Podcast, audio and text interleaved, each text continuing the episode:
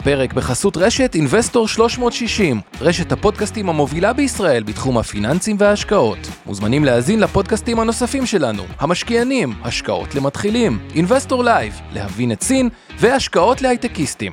הופק ונערך על ידי שמע, פודקאסטים ויצירות סאונד.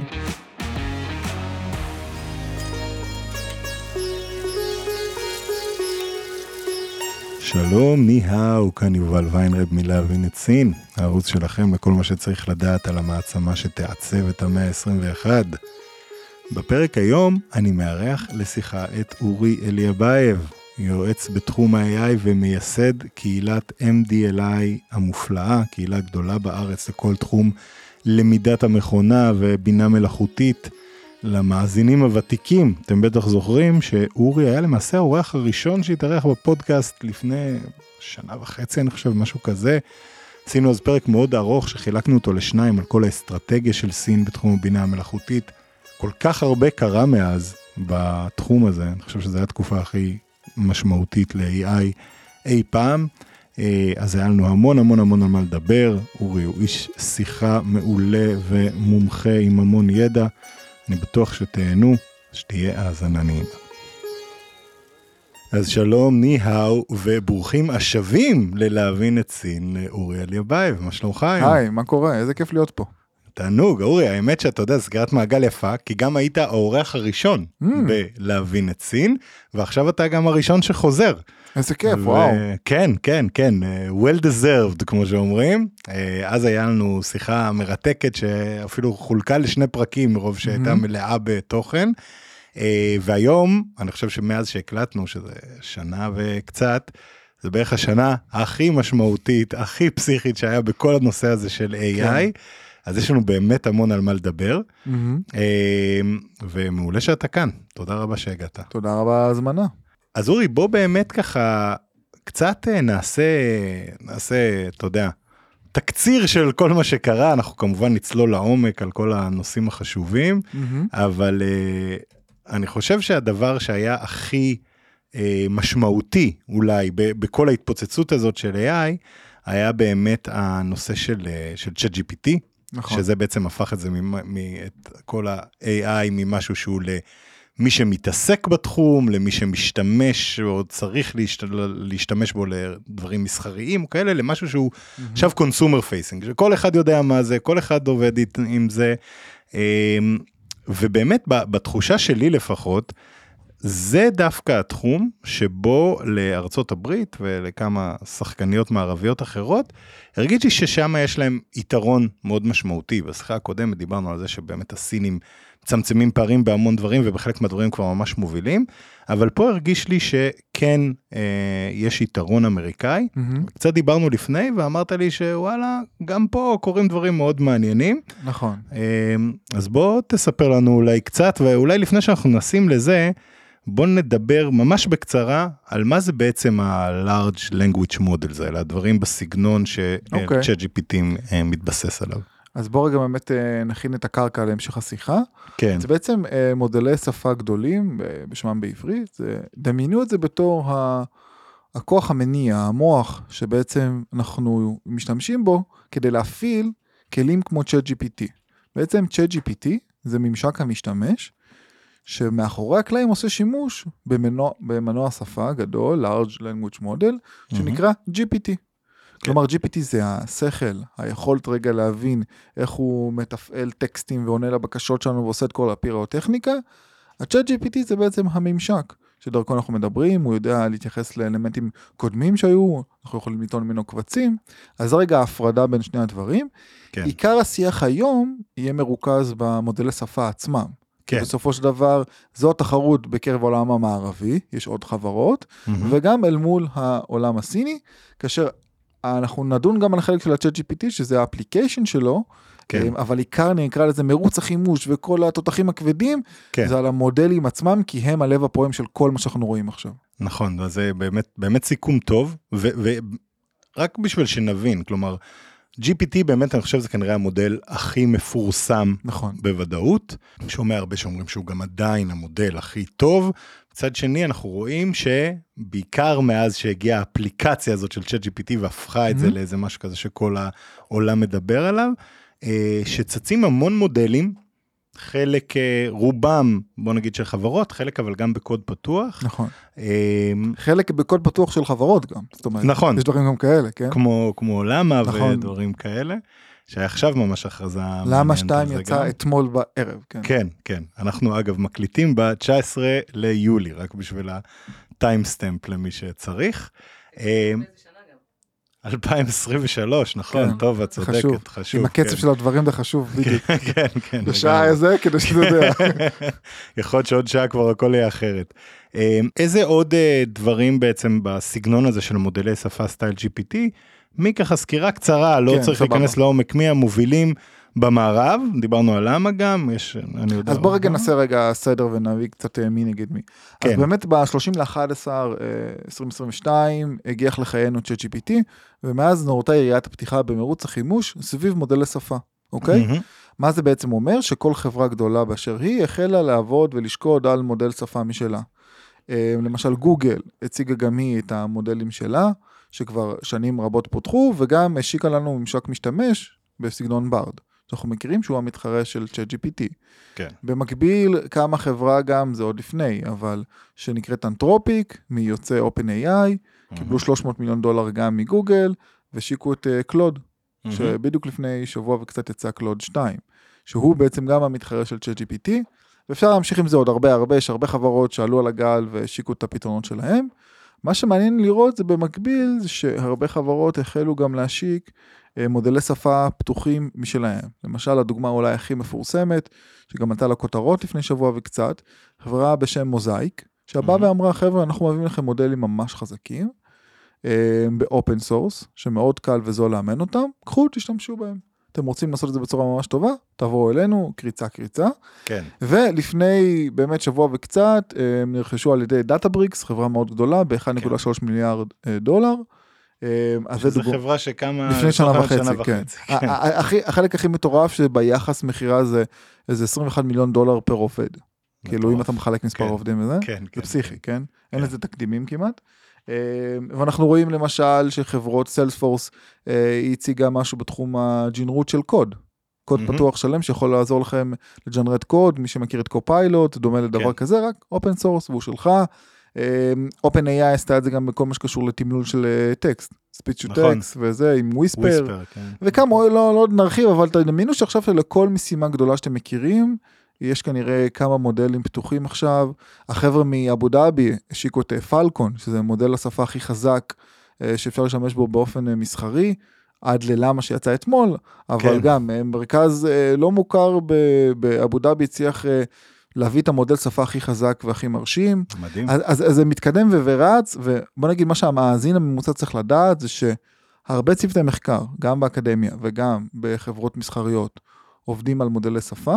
ככל שהזמן הולך, הביצועים שלהם משתפרים, העלויות אימון יורדות, ובעצם הופכים את הטכנולוגיה הזאת לסוג של commodity. זה, זה הפאנץ'. מדהים, וזה זה עולם מופלא שאנחנו נכנסים אליו, שגם רק, אה, התחושה היא שהוא כל הזמן רק אקספוננציאלית הולך כי ומתקדם. על כל open source שיוצא, תחשוב, כן. נגיד ראינו את זה שמטה שחררה את לאמה, אז החבר'ה או מסטנפורד, שחררה כן, בטעות. אני את קורא לזה נפל של- כן. מקונטיינר, כן. האנשים הורידו מטורנט את כל כן. הקוד ואת המשקולות, כן, אבל זה, אתה רואה את זה, ואז נגיד החבר'ה של סטנפורד יציגו את אה, אלפקה. נכון. זה הומור כזה מוזר, ואז כן. באו חבר'ה עם רד פיג'מה שזה אלפקה עם סוודה, לא משנה. כן. אתה רואה אבל שקצב הדברים שגדל, פשוט, וזה מה שכולם מחכים דרך אגב עם למה 2. כי למה שלעצמה 2 יכול להיות שזה סבבה וזה nice to have, אבל מה שאנשים יבנו on top of it, זה באמת החלק המטורף. נכון. ודיברנו באמת בשיחה הקודמת שלנו על, אה, על זה שחוקרים סינים או Mhm. ממוצא סיני, אבל לרוב כן. ממש חבר'ה שנולדו בסין, הם ממש בחוד החנית היום של AI מבחינת מחקר. ברור. גם, זה- גם אגב חלקם עובדים בארצות הברית, עובדים בחברות אמריקאיות, באוניברסיטות היום. אין מאמר, אבל- סליחה שאני קוטע אותך, אין כן. מאמר רציני שהוא, שהוא בטופ, שאין לפחות, אה, אתה יודע, בוא נגיד רגע רחב יותר, כותב אסיאתי, ואם כן. נצמצם עוד יותר, נראה לי יהיה מאוד קשה למצוא תקדימים הפוכים לזה. אתה רואה את זה בכל כנס גדול, אתה רואה את ה-best paper שזוכים, כן. אין דבר כזה שלא יהיו כותבים סינים, זה יהיה ממש מוזר אם זה יקרה, כן. ו- וזה בעצם אומר, מביא את השאלה, אני, אתה יודע, אני נכנ... הסתכלתי על זה ממש אחרי ש-ChatGPT mm-hmm. אה, יצא והתחיל כל הטירוף, גם בסין הם היו בטירוף על זה, אגב, אין גישה, אבל כולם כמובן התיישבו על ה-VPNים כן, ועבדו כן. על זה מאוד חזק. אה, ואז באמת אה, הגיעו כל מיני חבר'ה, מודלים סינים כאלה, בהתחלה זה, זה הרגיש כאילו מהר מדי, וראית באמת שגם נחשפו כל מיני דברים ש... בבק-אנד בעצם השתמשו בצ'אט GPT ושמו עליו עוד איזה שכבה או כל מיני כאלה. גדול. אבל אה, לאט לאט אה, נראה שמתחילים, כי אין מה לעשות, יש, את, יש הידע המחקרי, יש את המומחיות, יש את הגופים, יש את התקציבים, ואנחנו רואים שסין מתחילה בעצם כן לצאת עם כמה דברים מעניינים כאלה. נכון. אה, אז בוא, בוא תספר לנו ככה מה אתה רואה. אז זהו, אז אני בדיוק מחפש את זה גם תוך כדי, אבל אתה רואה שהסינים...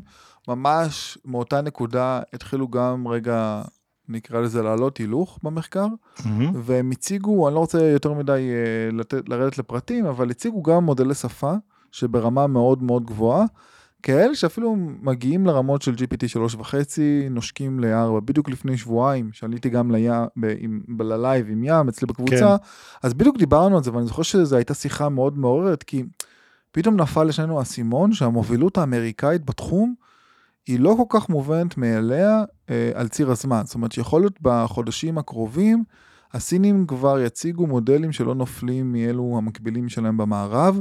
ומי שתרצה גם אחר כך נשלח את החלק הזה שדיברנו בדיוק על, על מה המודל האחרון שיצא, זה קצת כן, טכני. כן, כן, זו שיחה מעולה, אבל שיח... אגב, אני מאוד נהנה. תודה רבה, אבל, אבל שנינו ישבנו שם ופשוט הבנו ש, שאתה רואה שיש פה משהו, זה לא fight כזה, זה לא משהו שהוא נקרא לזה ליד, זה היה מודל שמגיע לרמה מאוד מאוד יפה ומאוד טובה, ואתה רואה שהסינים פשוט לא מורידים את הרגל מהגז. זה עניין של, של זמן, נקרא לזה ככה, עד שהם ישתוו.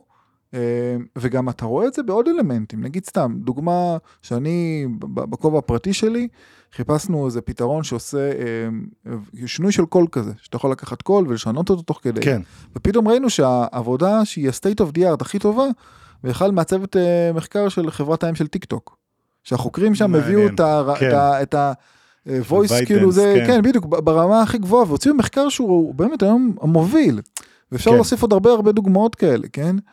אז אתה רואה שמאז השיחה הקודמת שלנו שהייתה העלו עוד יותר את ההילוך ואפילו פוגשים את המערב בדברים שעד עכשיו למערב נגיד היה שליטה ללא עוררין כמה שנים.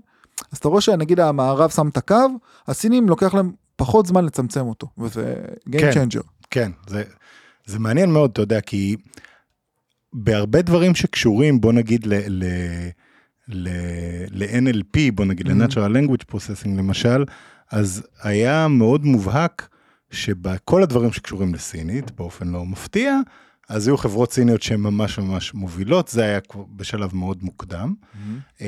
באיזשהו שלב, כל מיני חברות סיניות התחילו להראות אה, ביצועים מאוד יפים, גם של למשל תרגום של, של שפות בתור mm-hmm. דוגמה, אה, שלא קשור ל, לסינית, כלומר מאנגלית לעברית עכשיו היית יכול להשתמש במודלים של שפות שם.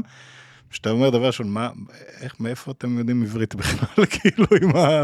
אבל הקטע שהמודלים כל כך רובסטיים, אבל זה בדיוק היופי. כן. גם החוקרים של OpenAI שהשיקו את הג'ב, גם הם לא יודעים עברית, אבל המודלים כן. כל כך גדולים ורובסטיים שאתה לוקח את זה כמעט על הדרך. כן, אז זה, מדהים, ובהקשר הזה באמת, אמ, כל המודלים שדיברנו עליהם שהם open source.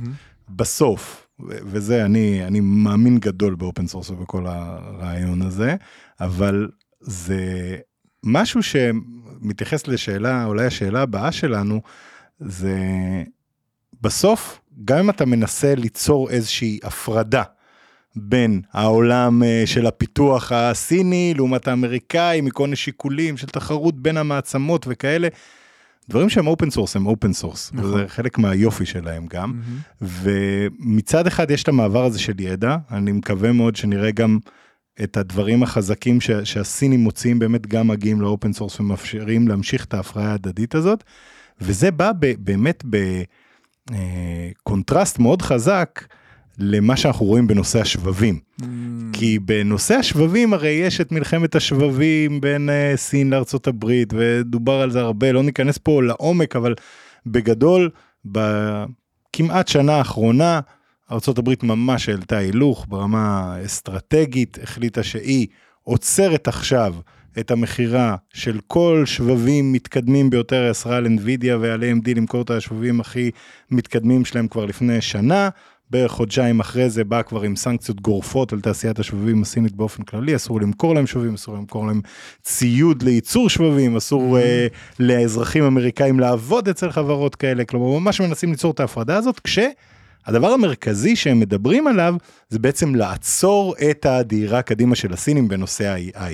נכון. והשאלה שלי, ברור שהחומרה היא דבר מאוד מאוד קריטי, בטח ליעילות ודברים כאלה, אבל עד כמה באמת הדבר הזה יכול לעצור את הקטר הסיני הדוהר? נגיד אז אני אגיד. רגע משפט עוד לפני כן, אם אתה זוכר לפני חצי שנה, אולי קצת פחות, היה דיון שלם על זה שהאם צריך לעצור את הפיתוח של AI לחצי שנה.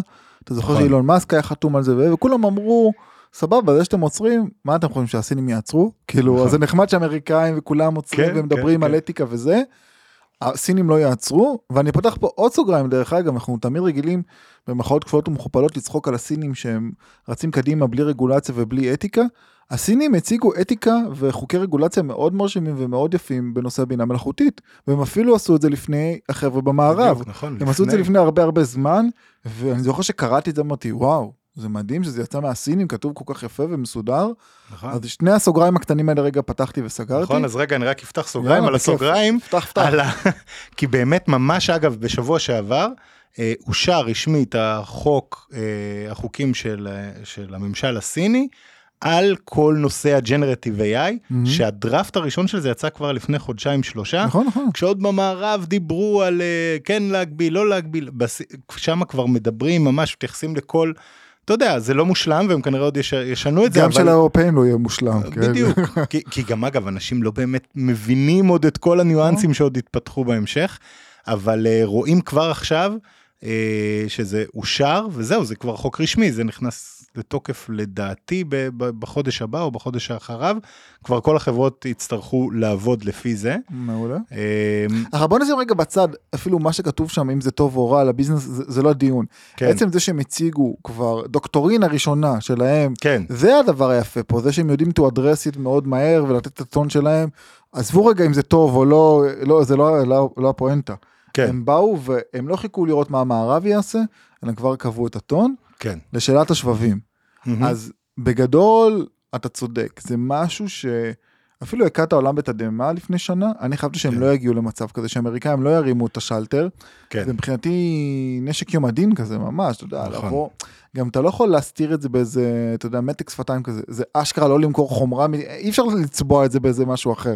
זה עין אותו להגיד לסינים חבר'ה אתם מאיימים עלינו אנחנו עוצרים את השיבר זה אתה יודע זה נכון.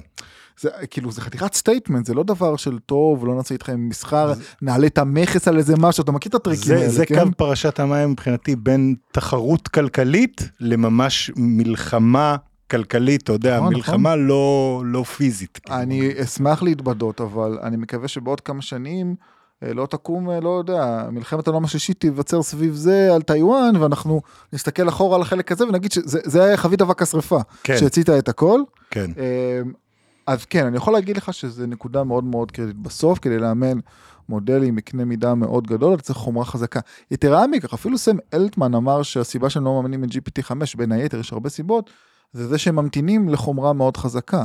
וכל העולם כן. עכשיו מנסה לקושש אתה יודע מאיצים גרפיים חזקים של NVIDIA ולפני כמה זמן אה, שחררה את ה-H100 זה הגרסה הכי מעודכנת שלה ואנשים רבים על זה וזה זה כן. הופך להיות נכס אסטרטגי גם בשוק במדינות. השחור זה נמכר, כן. הייתי בפי ארבע מה-MSRP שלו. בסוף, כן. בסוף אתה יודע אי אי אפשר זה כמו להרים אה, ליין רכבות בלי מנוע קיטור אז כן כן. זה אי אפשר זה, זה לא זה לא עובד עכשיו. להגיד שהסינים יושבים מאחורה בוכים על מר גורלה ולא עושים כלום עם זה זה לא נכון כן ברור. אז קודם כל כמו שאמרתי לפני יש הרבה חומרה עדיין בסין כן שהיא ניתנת לשימוש ועושים איתה הרבה דברים אה, כבר עכשיו. בית כל הסינים מוצאים דרכים יצירתיות להשיג את החומרה הזאת כן.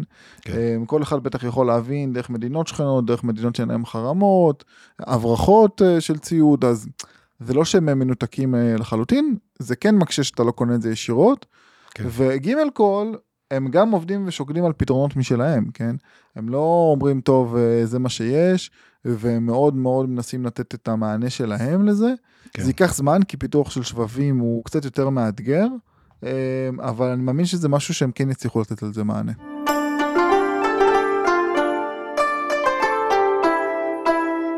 בנושא בוא נגיד של להדביק את הפער בשבבים, גם בתרחיש הכי הכי הכי אופטימי, לא יודע, הם לפחות חמש שנים מאחור, כנראה שיותר. השאלה אבל, אם בסוף, אתה יודע, ל- למודל שפה כזה, מהמם. ברור, כמו שאמרת, החומרה היא איפשהו הבסיס, הברזלים ש- שאתה חייב בשביל לבנות את הבניין הזה.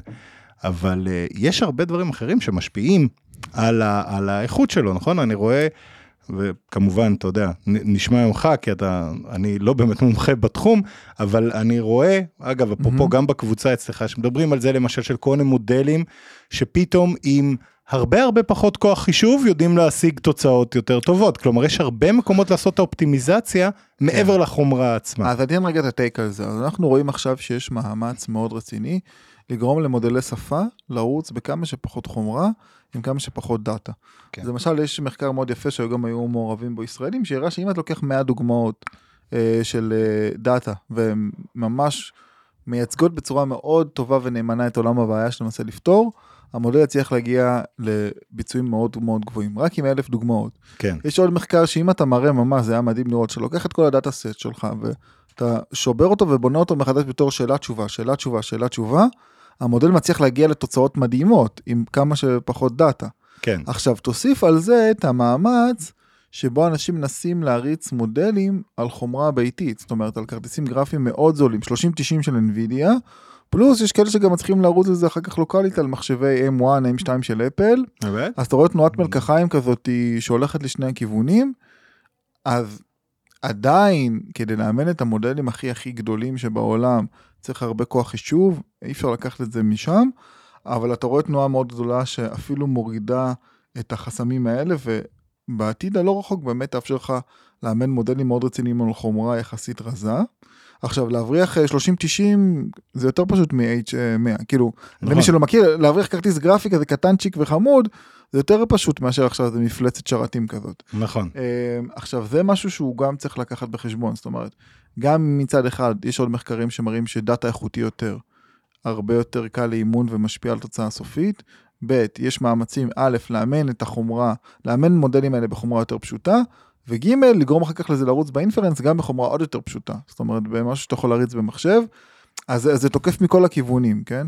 נכון, וזה מעניין אגב, כי כל הנושאים האלה, הדרכים לעקוף כביכול את החומרה, זה בדיוק המקומות שבהם הסינים חזקים. כלומר, נכון. דיברנו על זה גם בפרק הקודם, גם מבחינת דאטה שיש להם בשפע ובכמויות, ויש להם גישה ו- ותיוג מאוד טוב של הדאטה. מהמם. גם הנושא הזה של באמת מחקר, כמו שהזכרנו, את כל החוקרים, כלומר הדרך לנסות למצוא את ה hackים האלה שדרכם אתה you can do more with less. אה, זה מסוג הדברים שהסינים בדרך כלל מאוד מאוד טובים בו. אה, וגם בסוף, כמו שאמרנו, יש גם את כל הנושא הזה של ה open source, שמאפשר גם העברת ידע גם מעבר לתחום הספציפי של מה שקורה בסין. נכון? אמ, אז זה, זה בהחלט יהיה משהו שיהיה מעניין לעקוב אחריו, כי עוד דבר ש, שלדעתי הוא מאוד חשוב, וזה היה ה take המרכזי שלי כשהכריזו אז על מלחמת השבבים הזאת עם, ה, עם הסנקציות אה, שממשל ביידן הכריז על סין, אמרתי שכאילו, כרגע ברור ש, שזה מכניס את סין לפלונטר, כן? אבל כמו שזוכרים מה קרה, הרי איך... ההייטק הישראלי יש את העניין הזה של איך הוא באמת התחיל להתרומם, הרבה אנשים אומרים שזה היה כשהיה את האמברגו הצרפתי אחרי מלחמת ששת הימים, הפסיקו למכור לנו נשק, אמרנו אוקיי, אין לנו נשק, אנחנו נצטרך להתחיל לפתח לבד, מהמם. אז בוא נשקיע בזה, בוא נכניס את האנשים, ו- ופתאום, אתה יודע, נוצר תעשייה צבאית, תעשייה ביטחונית, ומזה אחרי זה נבנה ההייטק והכל, אבל כשמישהו עם הגב אל הקיר, נכון. ואין לו ברירה והוא חייב, לפעמים הוא יכול לעשות הרבה יותר ממי שכאילו לוקח דברים קצת כמובן נכון. מאליו. וסינים אז- הוכיחו את עצמם שהם יודעים גם לבנות דברים בצורה מתודולוגית, תשתיתית, נכונה, זאת אומרת, אתה שם מישהו עם הגב אל הקיר שיש לו יכולת execution מאוד גבוהה, מהמם. אז כאילו זה, זה לא סתם אתה שם מישהו עם הגב אל הקיר, כן? נכון, בדיוק.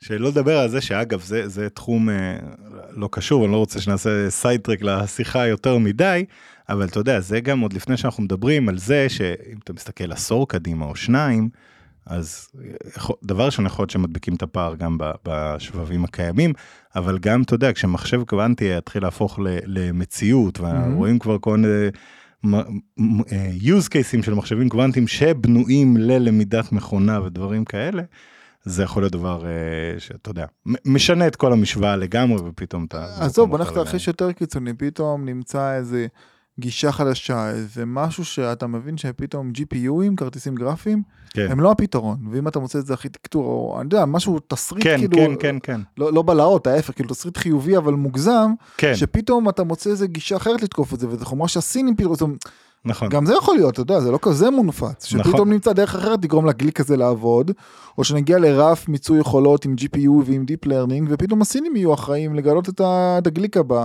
עם חומה שנוחה להם, ואז המערב נמצא, יהיה, כאילו המערב יהיה בבעיה. בדיוק, בדיוק, בגלל זה אני חושב שהמהלכים האלה הם, הם, הם מסוכנים, אבל, אה, אבל בסדר, אנחנו נראה איך, איך הדברים מתגלגלים עם זה.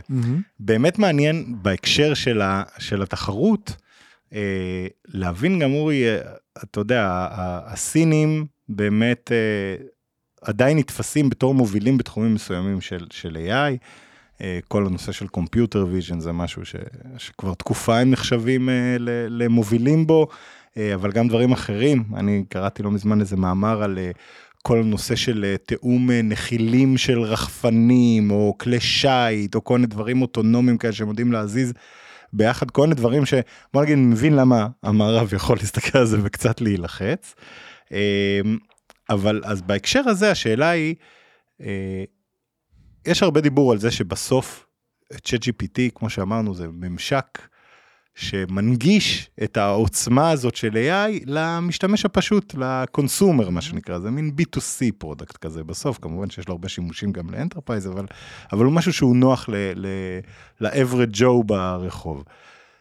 התועלת הבאמת מדהימה ש, שצופים ש-AI תביא, יהיה כבר בפתרון של הבעיות המאוד מורכבות, כמו למשל אה, גילוי תרופות, כמו כל מיני מחקרים שהוא ידע כבר לעשות בעצמו, mm-hmm. של אלגוריתמיקה, של אה, ביוטכנולוגיה, דברים כאלה. אה, השאלה שלי היא, האם היום ההובלה שאנחנו רואים בכל זאת שיש במערב בכל הנושא הזה של המודל שפה, זה גם נותן איזושהי אינדיקציה לאיפה המדינות השונות או הארגונים השונים נמצאים במרוץ הזה לכל השימושים Mm, ה... שאלה ה- טובה. אז מי שמתעניין באמת לפני איזה חודש וקצת יצא דוח שנתי שסוקר את ה... אה, בוא נקרא לזה את המקום, את הדירוג של מדינות שונות בעולמות של AI, מהמם. וכמובן גם סין הייתה שם, אז יש כל מיני אלמנטים, לשאלתך, זה, זה כן ולא. זאת אומרת, אתה רואה חברות או מדינות שהן נמצאות בחזית של AI ב-across the board, אתה יודע, בכל מיני נושאים, בכל מיני זוויות. הסינים גם נמצאים בהקשרים האלה. הבעיה שלפעמים, עם הסינים אתה לא תמיד יודע מה נעשה אצלם, זה לא מפועפע הלאה לעיניים מערביות, ואני כן. מודה פה על בורותי, ומאוד, אתה צריך לעבוד מאוד קשה כדי להבין מה קורה שם ולדלות מידע החוצה ולראות, למשל סתם, אני אתן לך דוגמה, אני אתמול אה, הרציתי בפני חברה בתחום האוטומוטיב, וגיליתי שיש חברה סינית שפיתחה Drive GPT, זאת אומרת מודל שפה ייעודי לרכב.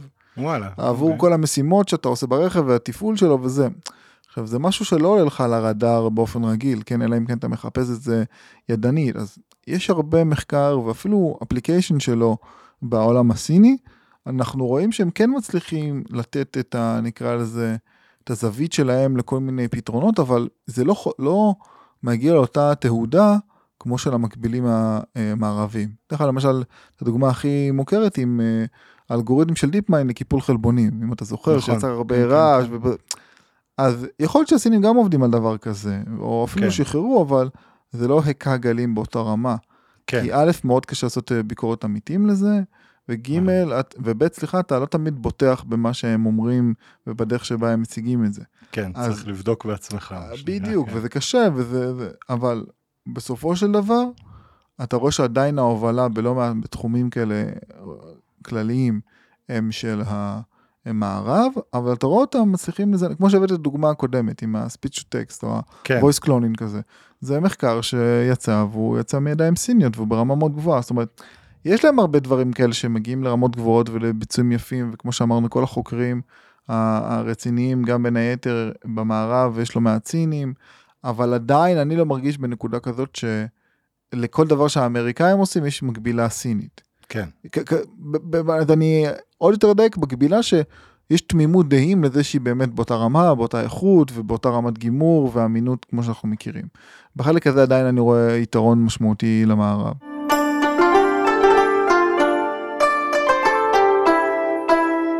אחד הדברים שאני אני שומע אותך אה, אומר וכותב הרבה, זה על כל העניין הזה שה-AI עצמו הוא מאוד מאוד חשוב כמובן, אבל בסוף אתה צריך שיהיה לך גם מוצר טוב, כלומר אתה צריך לעשות שימוש טוב ב-AI בצורה חכמה.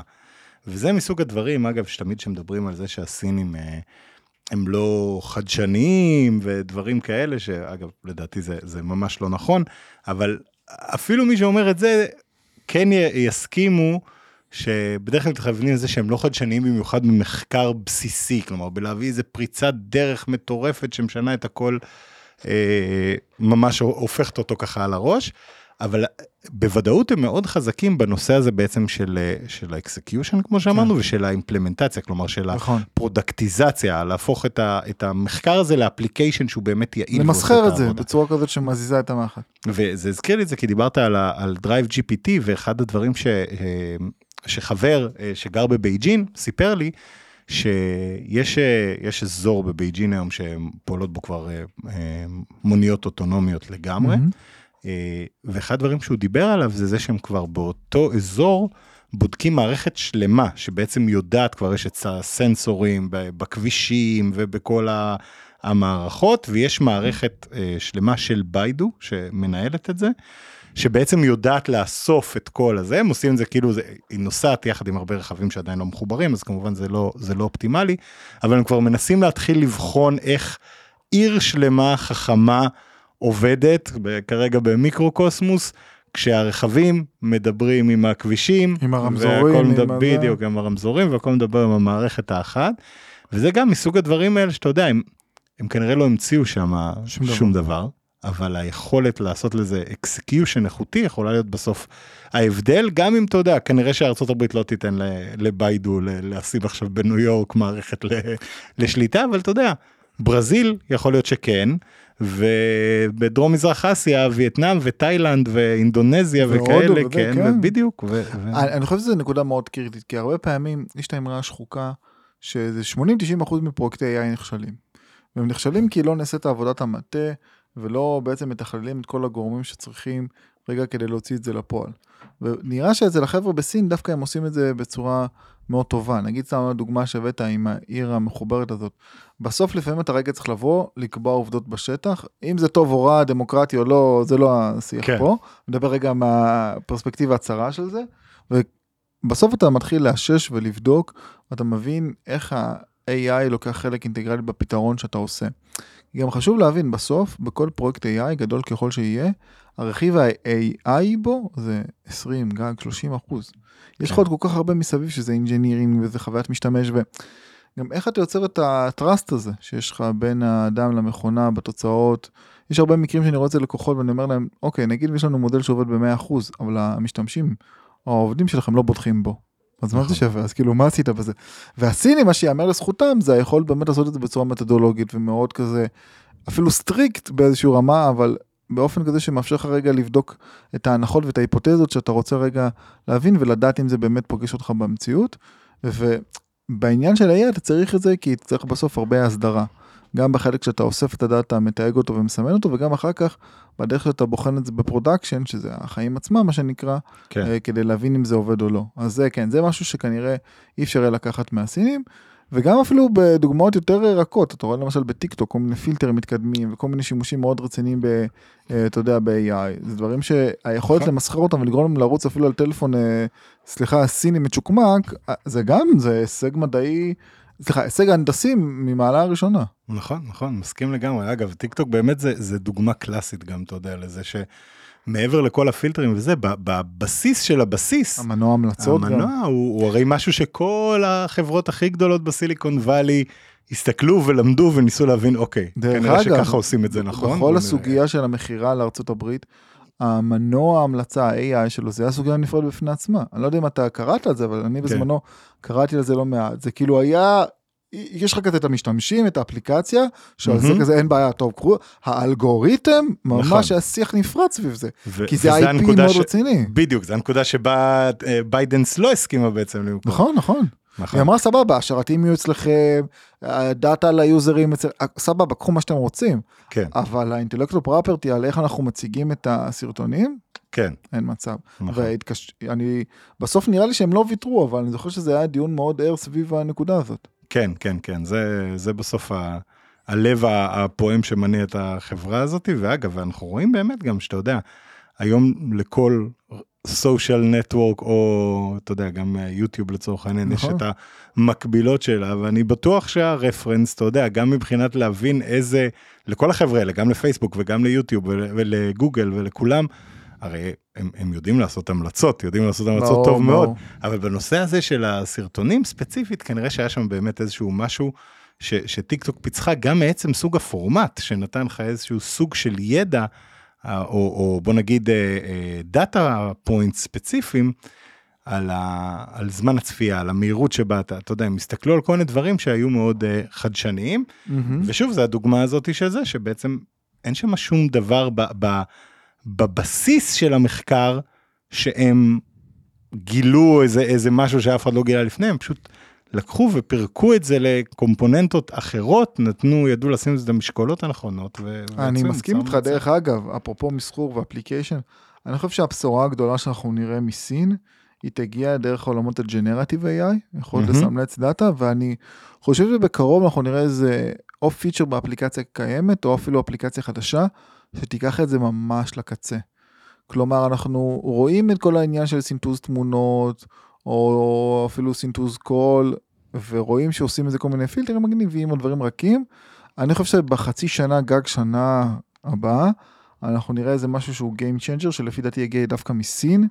אתה יודע, איזה שינוי של הדמות שלך בריל טיים, בצורה סופר פוטו-ריאליסטית, כן, ואיכשהו כל זה רץ על איזה שיומי ישן כזה, אתה יודע. כן, אני כן, חושב כן. שאנחנו נראה דברים בעולמות האלה שהם יותר קונסומרים, הארדקור, ג'נרטיב AI, שהסינים רגע יפתיעו אותנו עם זה, אה, ואני חושב שגם בזה המערב יצטרך ללמוד ולהגיב. אה, וזה בדיוק העניין, כבר אי אפשר לקחת, אה, כמו שאמרת בהתחלה, את היכולות מסחור ואפליקיישן של סין, עכשיו גם יש לזה מחקר ברמה מאוד גבוהה שהולך יד עם יד בזה. אני חושב שה... ה- בוא נגיד, ה-use cases הבאמת מרתקים בעולמות הג'נרטיב AI, יכול להיות שאנחנו נראה משם, וגם עוד משהו שעדיין לא שמעתי על חבר'ה סינים שעושים את זה, אבל אני מניח שזה יקרה כי במערב זה מאוד חזק, כל התחום של ה-personal אה, assistant או, או, כן, או החבר, ה fellow כזה, ה companion שרץ איתך, במערב זה צובר מאוד תאוצה, יש סטארט-אפ שנקרא character.ai, שבדיוק לפני חודש הראו איזה דוח שהוא בין האתרים עם הכי הרבה traffic באינטרנט. מיליון. איזה מאות מיליונים של אה, כניסות אה, מדי חודש. ומי שמכיר זה בעצם כלי שמאפשר לך או לדבר עם דמויות כזה, עם, uh, לא יודע, עם אילון מאסק כזה, סטייל. הסרט הר כזה, כאילו, כן? וגם אתה יכול לדבר עם איזה פרסונה שאתה מדבר איתה ויוצר, וזה משהו שצובר תאוצה מאוד גדולה במערב. כל כך תפור לאסיה, אגב, בדיוק, הדברים האלה, וזה מה כן. שכזה, החבר'ה שביפן ובסין כן. שאוהבים ומתים על הדברים האלה. שמתחתנים עם בובה נכון. או דמות גם יש פה. שוב, אני לא מומחה כמוך, אבל אני יודע שביפן יש גם משמעות ל- לחפצים ולמשמעות של, ה, של, אתה יודע, דברים דוממים שאנחנו בעיניים הערביות לא מבינים. נכון, אז הם כן מביאים לזה חשיבות ויש לזה משמעות בתרבות שלהם. אני חושב שזה עוד משהו שהתפוצץ מאוד חזק ב- ב- בסין ובכלל בכל אסיה. מעניין. ואני חושב שאנחנו נראה חברה מאוד גדולה, סדר גודל של טיק טוק או אפילו וויצ'ט, שעוד שנתיים מהיום זה יהיה לב העיסוק שלה. לתת את, ה, את הדבר הזה ברמה האישית, ו-on top of it, כאילו, רגע, אני אסביר את עצמי עוד פעם, סוג של חבר כזה או דמות וירטואלית שהיא קמפיין שלך במהלך היום, כן, ועוד יותר מעניין מזה, איך המפלגה תגיב לזה. מעניין. איך מאוד. היא תיקח את זה. זה יהיה מאוד, כן. מרתק, כי זה אמצעי לשלוט על הרוב. אז, אז דבר ראשון זה סופר מעניין אורי ואני חושב שזה יהיה אה, אה, כשזה יקרה. אני מבטיח לעקוב ולשלוח לך ברגע שאני רואה משהו. ותשלח לי ואתה תראה גם. כי זה, זה באמת מסוג הדברים שלדעתי אתה יודע אם אנחנו מסתכלים על איך החיים הולכים להיראות בגלל AI או, או בזכות AI עוד כמה שנים קדימה. אה, אז זה לגמרי תרחיש אה, שנראה נכון. אחד מה, מהבסיסים וה, והמשמעותיים. זה לא ביותר. כזה מונפץ, כי אנחנו רואים את הניצנים, ולא סתם קינחתי באיך המפלגה תגיב לזה. תחשוב נכון. שבעוד כמה שנים יש לך כלי שמדברים איתו מאות מיליונים מתוש... מהתושבים, שאתה יכול לאט לאט לשתול רעיונות שם, ואתה. יכול להשפיע על דת, אפילו לא בצורה מפורשת. אתה יודע, בשיח צעד, או אפילו בלהציג זוויות, וזה משהו שמאוד מאוד יהיה קשה להתעלם, ואני חושב שהממשל יצטרך לתת עליו גם את הדעת. אז, אז אגב, אפרופו, דיברנו קודם על הרגולציה mm-hmm. של הממשל.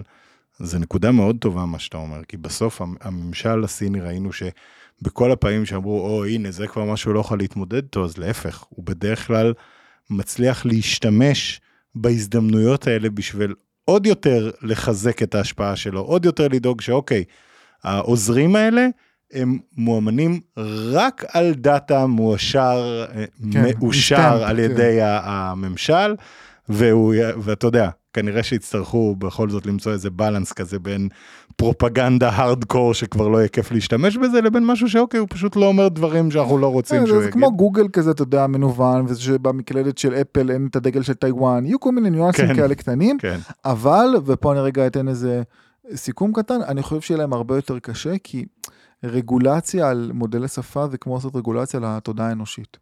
כאילו, כן. בהצלחה עם זה, כן? כן, כן. אני חושב כן. שהסינים פה יבינו שקצת יותר קשה, אתה יודע, אלא אם כן הם יעשו ממש שאלות ספציפיות על הסטודנט שעמד מול הטנק ודברים שהם הכי כן. כאילו ברורים, כן, יהיה להם מאוד קשה כי, כי זה, אין לזה גבול, אתה יודע, אתה לא יכול, נכון. לעשות- איפה אתה שם את האצבע בסכר, זה, זה כמו תודעה אנושית, אתה לא יודע בדיוק איפה זה מתחיל ואיפה זה נגמר, אז בהצלחה להם. זה. אני, אני מסכים, אני רק אגיד, זה באמת נראה הכי קשה שהיה ever, זה אין ספק, רק אגיד שלביל קלינטון יש אה, יציאה מפורסמת שהוא אמר איפשהו בתחילת שנות ה-90, מהמם. שהוא אמר שהסינים רוצים אה, לשלוט באינטרנט וזה כאילו לא זוכר כבר איזה הלצה הוא עשה על זה שזה חסר סיכוי ואין שום סיכוי שהם יצליחו ומין כזה שיהיה להם בהצלחה עם זה. ווואלה הם די שולטים באינטרנט בסין אתה יודע כאילו כן כן. כן כן כן פנימית. אה, אז אז זה נראה כמו משהו שהוא לא, אני חושב שהם יצליחו, פשוט. השאלה, כמו תמיד, מה המחיר? מה שהם- המחיר, כן. בדיוק, נכון. ואגב, אני רק אגיד עוד דבר מעניין בהקשר הזה באמת של הג'נרטיב AI, שאמרת שהם, שהם דוחפים קדימה, הרי אחד הדברים, הזכרנו את הרגולציה שהיא מאוד מפותחת ב, Mm-hmm. בסין, ואחד הדברים שהם מתייחסים אליהם, וזה דבר שמדברים עליו הרבה במערב, זה גם כל? הנושא הזה בדיוק, של הסדרה של זכויות יוצרים, ולמי מגיע קרדיט, ואחד הדברים ש, שהכי מעניינים שהם עשו עם דאטה עוד לפני ההתפוצצות של הג'נרטיב AI, זה שהם התחילו לדבר על זה שדאטה זה בעצם אה, אה, נכס כלכלי מדיד. כלומר, לעליבאבא יש עכשיו את הדאטה סט של צריכת התה של 20 מיליון איש בשנגחאי, מה הם קונים, איזה הם קונים, מתי הם קונים, כמה הם קונים, אסור להם להגיד אורי קונה תה כזה וכזה, אבל הם נותנים לתת לך את כל כן. ה data set הזה אנ- אנונימי. את המגמות והטרנדים. בדיוק, ו- והממשל בעצם הגדיר ש data set כזה חייב להיות זמין, או עדיין זה עוד לא קורה, אבל יש, בונים כבר בורסות שלמות, וואו. יש כבר בורסות לסחר בדאטה סטים, והמחיר של ה data set נקבע בעצם בבורסה, והדאטה הזה, אם הוא לא רגיש, והוא לא אישי, והוא לא רגיש לביטחון לאומי, אז הוא חייב להיות זמין, אבל הם מקבלים עליו כסף. וזה בעצם מדהים, דרך... איזה שכלול, שוק ממש משוכלל. כן, הזה. כן, כן, זה הרעיון, זה כרגע עדיין, אתה יודע, ב, ב, אפשר להגיד בחיתולים, זה בפיילוטים כאלה, יש כמה בורסות כאלה שכבר עובדות, זה בעיקר כרגע עם דאטה של חברות ממשלתיות גדולות ודברים כאלה, אבל הפיילוט קורה, וכביכול זה אחד מהדברים שיכולים באמת לפתור, גם אגב את המונופוליזציה של הדאטה על ידי כל מיני גופים גדולים מסוימים, וגם את זה שאוקיי, עכשיו יש לנו ברור מאוד שאם השתמשת ב data set הזה, אתה יודע למי אתה צריך לשלם, ואתה יודע כמה אתה צריך לשלם לו, ותחליט עכשיו אם זה, ובעצם השוק המשוכלל יקבע אם אני רוצה להשתמש בדאטה המאוד מאוד איכותי הזה, זה עולה יותר כסף. ואם זה דאטה שהוא יותר זול, אז כנראה שכאילו, שהוא, שהוא פחות טוב, אז כנראה לו פחות ביקוש, הוא יהיה קצת יותר זול. מעניין. יש לזה גם השפעה כלכלית מאוד רחבה, כי ברגע שאתה משטח את זה ואתה מאפשר לכולם לקבל גישה נגיד לדאטה עם סטנדרט מסוים, פתאום הרבה אנשים יכולים לבנות על זה דברים חדשים וליצור עסקים חדשים, או נכון לשפר מאוד. מודלים, אה, מודלי ריסק כאלה, אתה יודע, ופתאום למצוא תובנות. יכול להיות שיש קשר בין צריכת התה של אנשים לבריאות שלהם, ובסוף אתה יכול לגזור מזה מודל ריסק יותר טוב ל-life insurance, אתה יודע. נכון, לקחת נכון. את זה נכון. להרבה כיוונים, אני מנפיץ, כן, אין לי מושג כן, כן, נכון כן, או לא, אבל הכיוון, נכון. אבל, זה- אבל, וזה היופי, ברגע שאתה משחרר את זה הלאה, ואתה מביא את זה לאנשים, אז אתה יכול לעשות עם זה דברים מאוד מיוחדים. גם בארץ יש ניצנים של הדבר הזה, של משרדים ממשלתיים, הם מנגישים את הדאטה ואפילו זה, אבל זה לא מגיע לרמות כאלה שאתה יכול לשים את זה לכל אחד, ואתה יכול לבחור.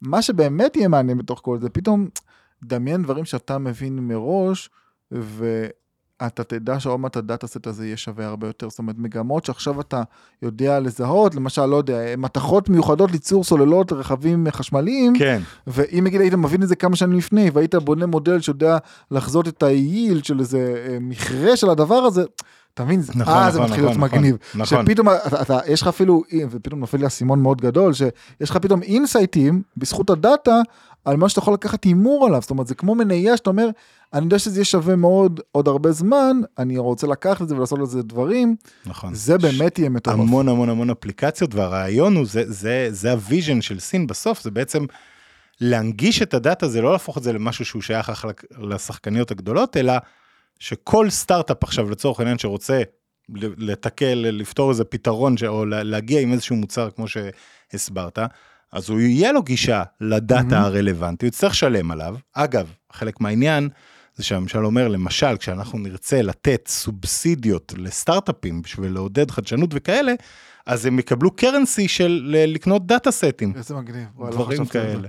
האמת כן, שזה ממש מגניב, תשמע, הרבה פעמים דאטה, לפעמים זה גם לא פונקציה של כסף, הוא לא יכול להשיג את הדאטה, למה? נכון. רגולציה, מתחרים וזה, יש לך מיליארדים, זה לא משנה, ופתאום שמחר משטיחים את זה ובעצם נותנים לכל אחד גישה, זה יכול להיות Game Changer מאוד רציני. נכון כן זה זה נושא מעניין יפה. בקטע הזה באמת יש הרבה מה ללמוד מהסינים.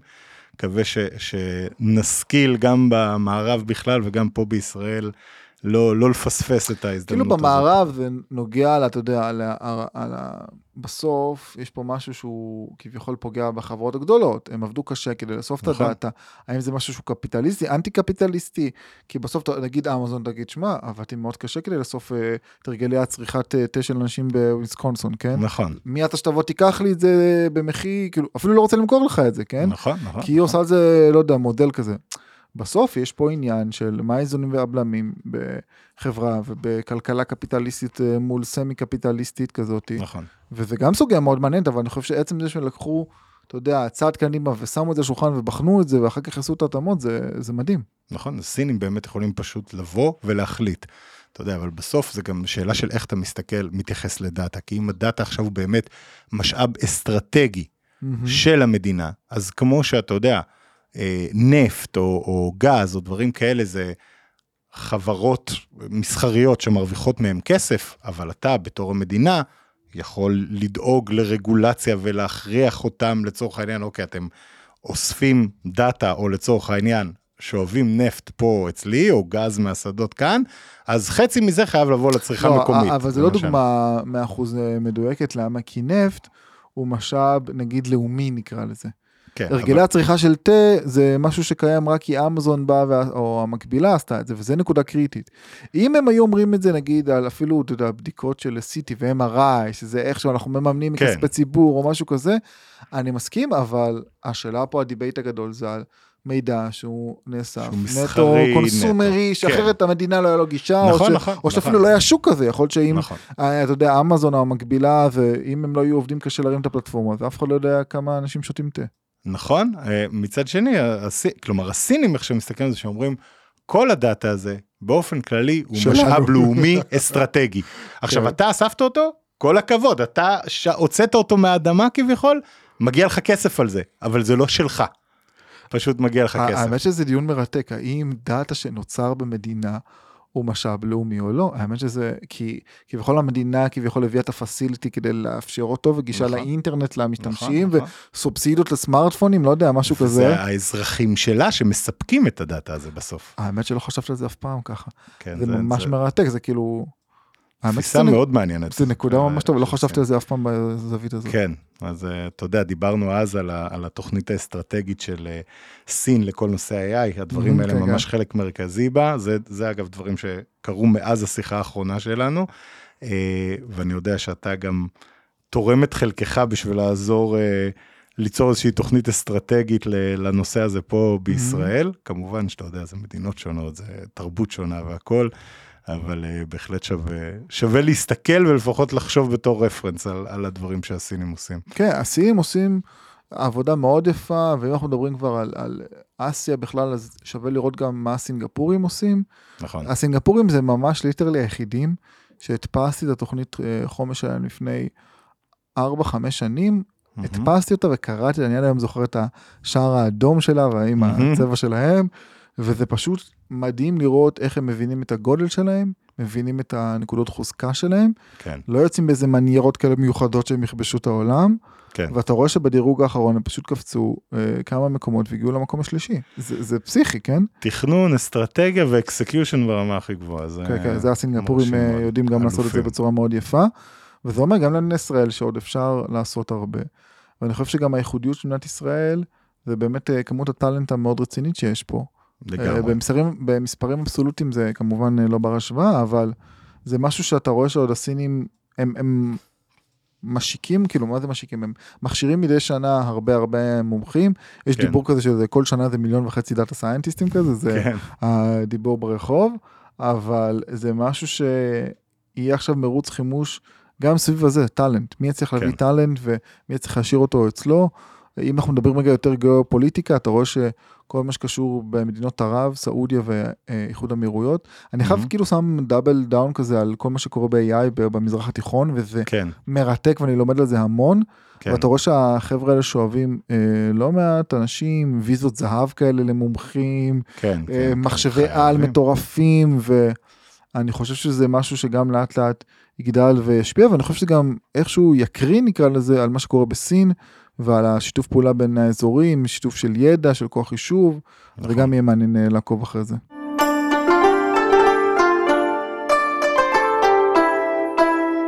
הנושא שמפחיד את האנושות, מרגש את האנושות, Mhm. תלוי מאיזה זווית אנחנו רוצים להסתכל על זה, הזכרנו את זה בקצרה כשבעצם הגיעה הקריאה הזאת לעצור עכשיו את ה-AI בכל מקום.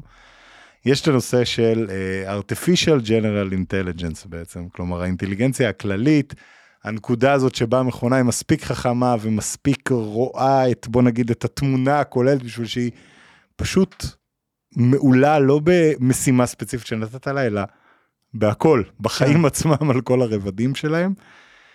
כמה אתה חושב שאנחנו רואים איזושהי התכווננות, גם דרך המודלי שפה האלה שהיום זה כנראה הרפרזנטציה הכי דומה לזה, אבל ברור שיש עוד מרחק. כמה אנחנו רואים התכווננות אה, של איזשהו מרוץ בין. המעצמות על הדבר הזה, וגם אני אגיד עוד דבר, כמה המרוץ הזה הוא מסוכן לאנושות בתוך איזשהו מרוץ חימוש, כי אמרת את זה שאוקיי יופי תעצרו בארצות הברית, בסין לא יעצרו. האם זה באמת הנשק האטומי 2, אתה יודע, מרוץ הנשק האטומי 2. אני אזהר בלשוני לומר נשק אטומי, אבל אני חושב שזה נשק מפר איזון. זה כן. ההגדרה שאני יותר אוהב, כי בסוף נשק מפר איזון הוא מאוד תלוי באויב הייחוס שלך. נגיד בצה"ל רואים את זה הרבה, שלא יודע, סתם, אם עכשיו בעזה יש להם אה, אמצעים לראיית לילה, כן. אז זה נשק מפר איזון, כי זה מאפשר, נכון. מונע מכוחות זה. זה לא פצצת אטומית, אבל ביחס למה שאתה רוצה יש לעשות. לך יתרון. יש לך יתרון שאתה כן. רוצה לשמר עליו, אז אתה לא כן. רוצה שלצד השני יש נשק מפר איזון, שלא בהכרח הנשק הכי חזק, אבל הוא כזה שמוריד מהיתרון שלך, פוגע ביכולת שלך לעשות פעולות, לא נרחיב על זה עוד, אבל ככה אני מסתכל כן. על זה. אז כמה סוגיות, קודם כל אני חושב שאנחנו יחסית רחוקים מזה, זאת אומרת זה לא משהו שלפי דעתי נראה בשנתיים הקרובות. אני לא חושב שאפילו. אולי בחמש גם. זה נעוץ בהרבה סיבות. א', אתה רואה שעם כל הפיתוחים היום ועם כל הפירוטכניקה, עדיין זה לא עובד בצורה מושלמת. GPT-4 נכון. שהוא מאוד מאוד חזק והוא פאר היצירה האנושית נקרא לזה, במיוחד בכל מה שקשור לריזונינג ויכולת רגע להסביר את עצמו, עדיין הוזה. עדיין אה, לפעמים, אפילו לא רק זה, הוא עדיין נופל בדברים שקשורים ללוגיקה נכון. ובדברים שקשורים להבנה של אה, סמנטיקה וכל מיני דברים כאלה. הוא לא טוב בספירה גם כל כך. אני אני- אני אתן לך למשל דוגמה, זה סיפור כזה מצחיק אנקדוטה.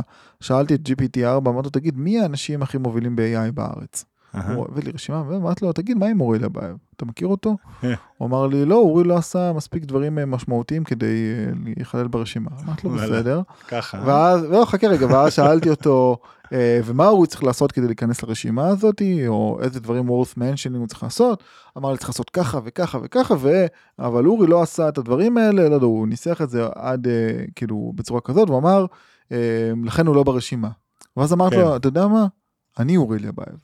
ואז ציפיתי לאיזה קתרזיס כזה, מסוים, כן. כזה מטורף, שיבוא ויגיד, רגע, אוי, לא נעים וזה, ואז הוא אמר, אני לא אקח את התשובה, הוא אמר כזה, שלום אורי אליאבייב, אני עוזר שפה אישי, איך אני יכול לעזור לך? ואז כזה מראה, אתה מבין? וזה פתאום אה, גרם לי להבין שאנחנו עוד רחוק. אתה יודע, זה היה כן, הקליימקס כן, המושלם, אתה מצפה רגע לאיזה רגע, וכזה, כן. שלום, אני מודל שפה, אורי, כאילו רק התחלנו את השיחה עכשיו, בלי כל הקונטקסט לפני. כן. אז יש עוד הרבה דוגמאות כאלה, זאת אומרת, נכון. אני חושב שאנחנו עוד רחוקים מזה, ובית כל אני חושב שזה מאוד קשה להגדיר מה זה, וזה הקושי. כי אה. מה זה, כי בסופו של דבר, זה משהו שלא תדע בהכרח להגדיר אותו, לא תהיה תמימות דעים על הדבר הזה. ונגיד שאין תמימות דעים, ובסוף יש לנו יכולות טכנולוגיות, נגיד ולא אכפת לנו מהגדרה. כן. אז הנקודה שאני עוד אומר בטיעון הזה זה, קודם כל, יש לנו היום AGI, כאילו artificial, כן. קוראים לזה בני אדם, זאת אומרת, כן. אתה יודע, יש כל כך הרבה נזק ודברים שבני אדם רגילים עושים, אז בוא רגע נטפל בזה, כן? יש, כן. עד חד עכשיו. בהיסטוריה בני אדם הרגו מאות מיליונים של אנשים, רגע נכון. AI עדיין לא הרג אחד, כן? נכון, נכון, תוציא נכון. תאונות של טסלה כאלה כן, כן, כן. מהספירה. אז. אז, אז, אז, אז אני אומר, הנקודה הזאת היא מאוד קריטית, זאת אומרת, אני רגע מוביל את כל החסמים, למה זה, אה, אבל once שזה, once שזה יקרה, אני חושב שיש פה סוג של הבנה של, א', אנחנו צריך להגדיר מה סט הכישורים והיכולות של הדבר הזה, כי הרבה פעמים אני חושב שזה, יהיה לזה בסוף רמת תפקוד יחסית, זאת אומרת, הוא ידע לעשות הרבה דברים באיכות מאוד גבוהה, אבל הרמת תפקוד אולי השכלית תהיה כמו של ילד קטן כזה. אתה יודע, כן. משהו שכביכול הוא יכול לכתוב לך מסמך מטורף על התמורות שחלו בסין אחרי המהפכה אה, שהיה, אבל הוא, לא ידע לתת לך מעבר לזה באיזה רצון להשתלט על המפלגה או משהו כזה. אני חושב כן. שיהיה לנו תקופת ביניים מאוד, אה, נקרא לזה רצינית, בדברים כן. האלה. אה, ואז מה שאני חושב שיקרה זה שאנחנו נצ- נצליח כנראה להעמיד דבר כזה, אבל הרגולציה תיבנה תוך כדי. ואני אחתום את הדברים שלי במשהו שיאן לקון, אחד מזוכי פרס טיורינג, אה, ואחד השמות המובילים, הסנדק של התחום של ה deep learning, כן. בא ואמר, אני הייתי לפני כמה שבועות בפריז, מטה הזמינה אותי לביקור רשמי לכל מומחי AI, והוא גם אמר, תקשיבו, הגעתי לפה במטוס עם שני jet engine כאלה. כן. ובהתחלה המנועים האלה, אנשים לא הבינו בהכרח איך הם עובדים ב-100%, לא הייתה רגולציה מדויקת, אבל הנה אנחנו עשרות שנים אחרי, וזה מביא אותי לפה, וזה עובד, וזה משהו שבנינו עם הזמן, והרגולציה, זאת אומרת, התקדמה ככל שהבנו יותר טוב את הרגולציה, את הטכנולוגיה ומה הסכנות, ואז הוא, הוא אמר משהו שהרגולציה היא, היא תיבנה עקב בצד אגודל נוכח ה- ההתקדמות של התחום, אנחנו לא יכולים לעשות רגולציה למשהו שעדיין לא בנינו, הוא אמר את זה בצורה מאוד מאוד נכון. יפה. אז אני חושב שזה משהו שיקרה בצורה כזאת, עקב בצד אגודל, זה ייקח עוד קצת זמן, זה לא יהיה ברמות כמו שאנחנו רואים בסרטי מדע בדיוני, אמ, אבל אני מאמין שאנחנו כאנושות נדע להתמודד לזה, אתה יודע, לכשזה יגיע וכבר נבנה את הגדרות ואת החסמים בהתאם. אני, אני נוטה לה, להסכים איתך ולפחות לקוות שזה המצב. או שחוקר אה, סיני במעבדה פשוט, אתה יודע, יפרוץ את הרף הזה, אנחנו לא נדע, ו- וזה יקרה, כאילו, זה, זה גם יכול זה לקרות. זה גם ב- יכול להיות. אגב, ב, וזה יכול להיות גם בבנגלור וזה יכול להיות גם בהרבה מקומות אחרים. אתה יודע שהמכון של ווהאן הוציא מאמר שנקרא Bat GPT, bat כמו העטלף? אה, באמת? ראית את זה? לא? ותקשיב, אחד המצחיקים. האוניברסיטה של ווהאן, החבר'ה מה... נפל כן, לנו כן, נשיא כן. זה, אז הם הוציאו, כן, נפל לנו. נגיף מהקונטיינר, אני אשלח לך אחר כך, הוציאו כזה bat, כאילו העטלף GPT, מודל שפה, משהו כזה מצחיק כזה שלהם. מאמר אמיתי. אז שמע, גם זה יכול לקרות, שפתאום נגיע לרף הזה, או, עזוב, משהו יותר איזה, יכול שהמודל הזה יגיע והוא פשוט לא יגיד לנו על זה.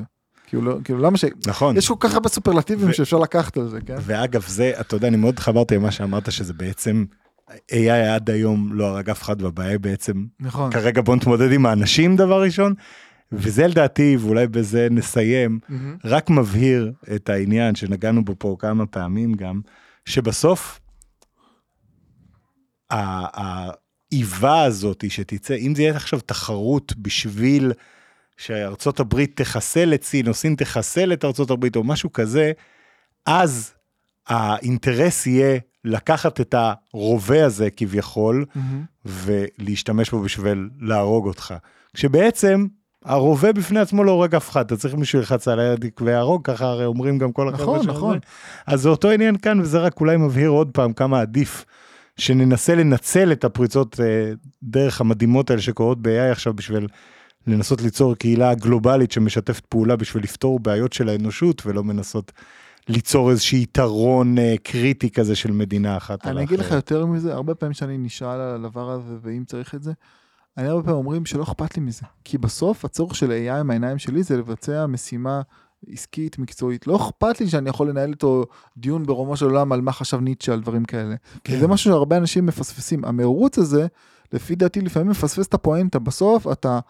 אתה יודע, כמו בני אדם, אתה, היום שאתה מעסיק מישהו, אתה רוצה שהוא יעשה את העבודה, שהוא יעשה את הדבר, נכון. אתה לא עושה איתו שיחות פילוסופיות כן, על מהות, כן. כאילו זה לא אכפת לך, אתה- נכון. עם, עם כמה אנשים ביום יום אתה מדבר על הנושא הזה. איפה וזה- היתרון הפרודקטיבי שלי כן, בסיפור הזה, כן. וזה מה שאני חושב שהרבה אנשים מפספסים, כי זה נראה כמו הגביע הקדוש כזה להגיע ל-artificial general, אבל כזה, בוא נעשה רגע קודם כל שיעשה את הצרכים העסקיים שיצרנו אותו, כאילו בוא, בוא רגע כן. נחצה את הרף הזה, שלב שלב. אחר כך נבנה את כל מה שאתם רוצים, כל הפילוסופיות. טוב, מדהים, אורי, אני מניח שבפעם הבאה שאנחנו נדבר עוד איזה שנה או משהו, יכול להיות שכבר, אתה יודע, כן. גילינו שהרבה מאוד דברים השתנו. אה, הייתה שיחה מרתקת, כמו לי. תמיד. אורי, תודה רבה שבאת. תודה רבה על האירוח. יאללה, להתראות. ביי ביי.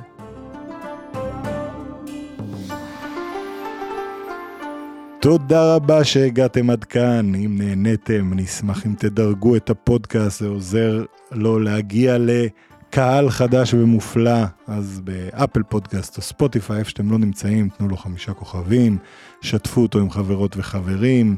אתם מוזמנים גם כמובן להצטרף לקבוצת הפייסבוק או לערוץ הטלגרם של להבין את סין, או לעקוב אחריי בטוויטר, כל הפרטים והלינקים בהערות של הפרק. אם אתם רוצים להאזין לפודקאסטים נוספים בנושאי פיננסים והשקעות, אני מזמין אתכם להאזין לפודקאסטים של רשת אינבסטור 360. אני יובל ויינרב, תודה רבה לאורי אליאבייב שהתארח כאן היום לשם הפודקאסטים ויצירות סאונד על ההפקה, ובמיוחד לטובה שמאנוב היקרה שהייתה איתנו פה באולפן. תודה רבה לכם על ההאזנה. עד הפעם הבאה, 再见.